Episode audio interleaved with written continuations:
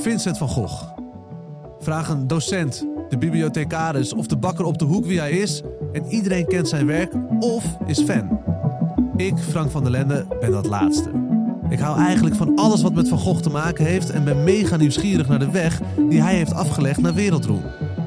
Vooral omdat hij bij leven slechts een handvol werken verkocht. Eigenlijk had bijna niemand van hem gehoord.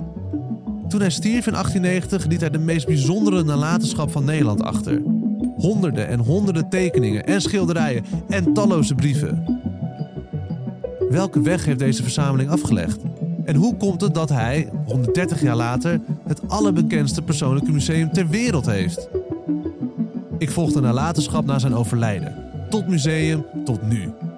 En duik in het verhaal van de familie achter Vincent. Wat was de drijfveer van zijn broer Theo, diens vrouw Jo en hun zoon Vincent om te kiezen voor Vincent? Zagen zij iets wat niemand anders zag? In Van Gogh en de weg naar wereldroem ga ik het verhaal reconstrueren. Een verhaal over worstelingen, broederliefde, familiebanden en een onverwoestbaar verlangen om de droom van Van Gogh te verwezenlijken. Vanaf 7 maart te beluisteren in je favoriete podcast-app.